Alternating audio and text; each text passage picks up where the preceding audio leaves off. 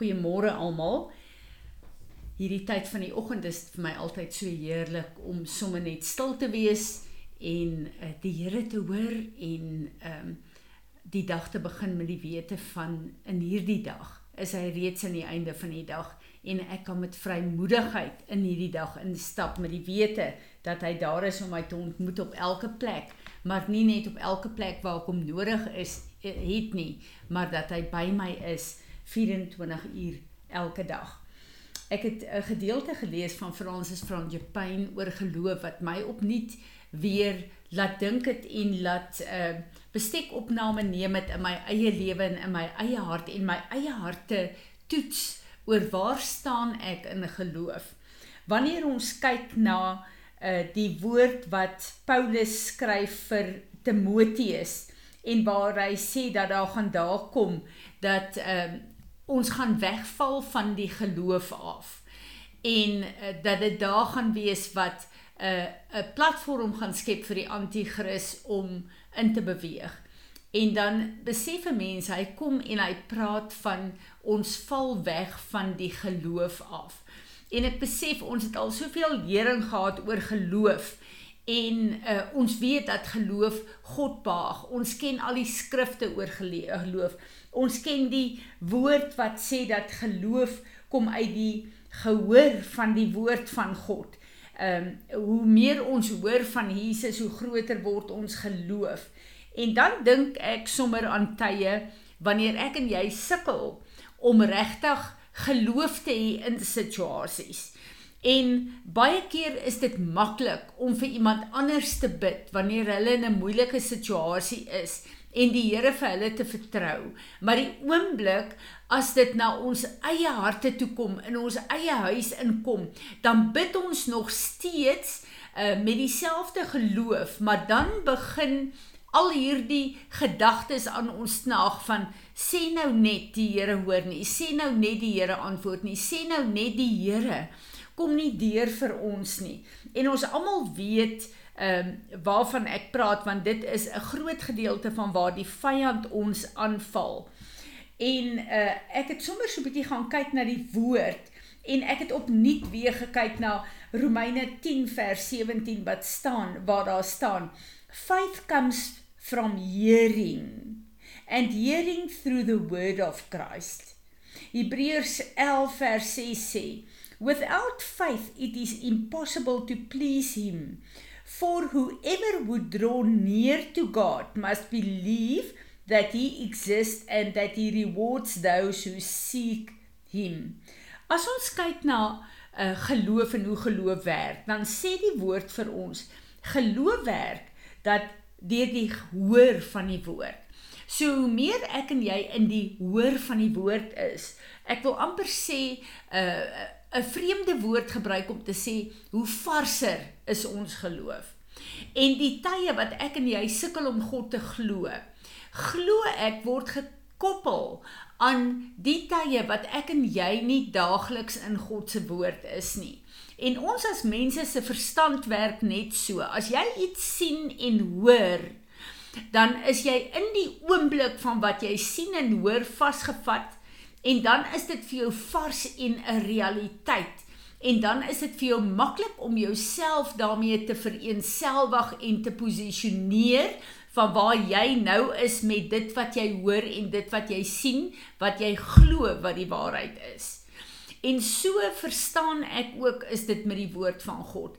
As ek en jy daai tye kry wat ons nie die woord bestudeer daagliks soos ons moet nie, dan is dit die tye wat ek en jy, ek wil sê veragter in die geloof. En uh ek kyk na die gedeelte uh van Jesus wat met sy disippels gepraat het en uh hulle bestraf het. Uh en dit was vir my baie interessant om te kyk na uh dis Matteus 8. Kom ek lees dit vir ons. The disciples went and woke him saying, "Lord, save us." we are perishing. You of little faith, Jesus replied, Why are you so afraid? Then he got up, rebuked the winds and the sea, and it was perfectly calm. Dis baie interessant om te hoor dat Jesus sê nie vir hulle julle wat nie geloof het nie. Maar hy kom en hy sê vir hulle julle geloof is te klein. En ek besef hier dat almal van ons as ek nou vir ons vra glo in ons in God dan gaan ons almal ja sê ons is wedergebore ons is kinders van God net soos die disippels hulle was in sy teenwoordigheid gewees maar toe hulle gekonfronteer word met 'n probleem wat hulle nie in die fisiese kan hanteer nie. Onmiddellik het hulle nie genoeg geloof om op te staan teen daai situasie nie. En daarom kom Jesus en hy sê julle van klein geloof. En wat ek hier besef vandag is dat dit gaan nie oor ons geloof nie. Ons geloof het ons reeds bevestig toe ons Jesus aangeneem het as ons verlosser. Maar dit gaan oor hoe beoefen ons ons geloof? Is ons geloof aktief? Glo ons dat hy die God is van die onmoontlike?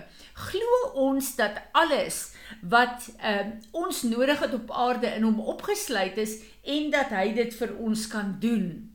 Of het ons hierdie plek in ons hart waar ons bid oor sekere goed want ons is geleer om te bid, maar wanneer sekere situasies vir ons oorweldigend is, dan het ons hierdie plek in ons hart waar ons voel maar gaan die Here deurkom vir my. Of hierdie baie uh uh uh uh situasies wat vir ons 'n groot realiteit word waar ons bid byvoorbeeld vir iemand wat kanker het en dan gaan daai persoon dood of ek en jy bid vir iets en ons bid in geloof daarvoor, maar dan gebeur dit nie. Hierdie goed beïnvloed ons geloof en wanneer ons die volgende keer vir iemand moet bid wat kanker het, dan sit of ons nie met dieselfde geloof bid nie want daar knaag in ons harte hierdie hele ding van sê nou dit werk weer nie. En ek het net besef dat hierdie plekke in ons hart groei en word plekke wat die Here op en neer as ek en jy nie toelaat dat die woord ons was nie. Paulus sê vir die uh, Efesiërs in Efesiërs 5, die woord is daar om ons te was. Jesus ons hoof kom en hy was sy bruid skoon van wat? Al daai plekke van teleurstelling, van ongeloof, van klein geloof, al daai plekke waar ek en jy wandel en ons voel ons maak dit nie of goed kom nie vir ons deur nie. Daai plekke moet gewas word, maar kan net gewas word as ek en jy 'n vars water van die woord elke dag het. Ek en jy moet die realiteit van die God van die onmoontlike in ons daagliks hê en ons herinneringe en ons ervarings moet onderwerp word aan die krag van die woord van God en wie hy regtig is. En ek het net besef dat wanneer ons lees, uh, wanneer ons 'n teleurstelling deurgaan, is dit nodig om te gaan lees wie God is. Al dink ons ons ken hierdie skrif, Baie keer dan ken ons die skrif, maar doen ons die skrif? Praktiseer ons die skrif? En dan is daar 'n lyn wat ek en jy moet oortree. Van hierdie is die woord van God en al die mure wat die vyand gebou het in my gedagtes om te sê maar hierdie woord en jou ervaring staan lynreg te mekaar om dit af te breek en om elke dag soos wat God vars manna vir die Israeliete gegee het, elke dag vars sy woord te kry en te weet hierdie woord is genoeg om my in hierdie dag te voed en my te onderhou. En dan te kyk na die skrifte en ek lees vir ons 'n paar. Markus 9 vers 23 sê Jesus, if you can, everything is possible for the one who believes. Matteus 19 vers 26 Jesus looked at them and said with man this is impossible but with God all things are possible. Nie sekere goed nie, all things are possible. Jeremia 32 vers 17. O sovereign Lord, you have made the heavens and the earth by your great power and your outstretched arm. Nothing is too hard for you. Daar's niks wat God nie kan doen nie. Jeremia 32 vers 17. Uh het ek nou vir ons gelees Jeremia 6 uh 6 uh skus tog Filippense 4 vers uh, 13 I can do all things through him who gives me strength. Dis my so goed laat laat net soos Jeremia uh Paulus vir die Filippense ook sê, ons kan alles doen. Nie sekere goed nie, alles deur sy krag. Genesis 18 vers 14 Is anything too hard for the Lord? I will return with you at the appointed time next year and Sarah will have a son. Menslik was dit onmoontlik geweest, maar vir God is dit moontlik. Spreuke 3 vers 6 In all our ways submit to him and he will make your path straight. Ons het nie nodig om om paaie te loop of oor hobbeltjies of te struikel nie.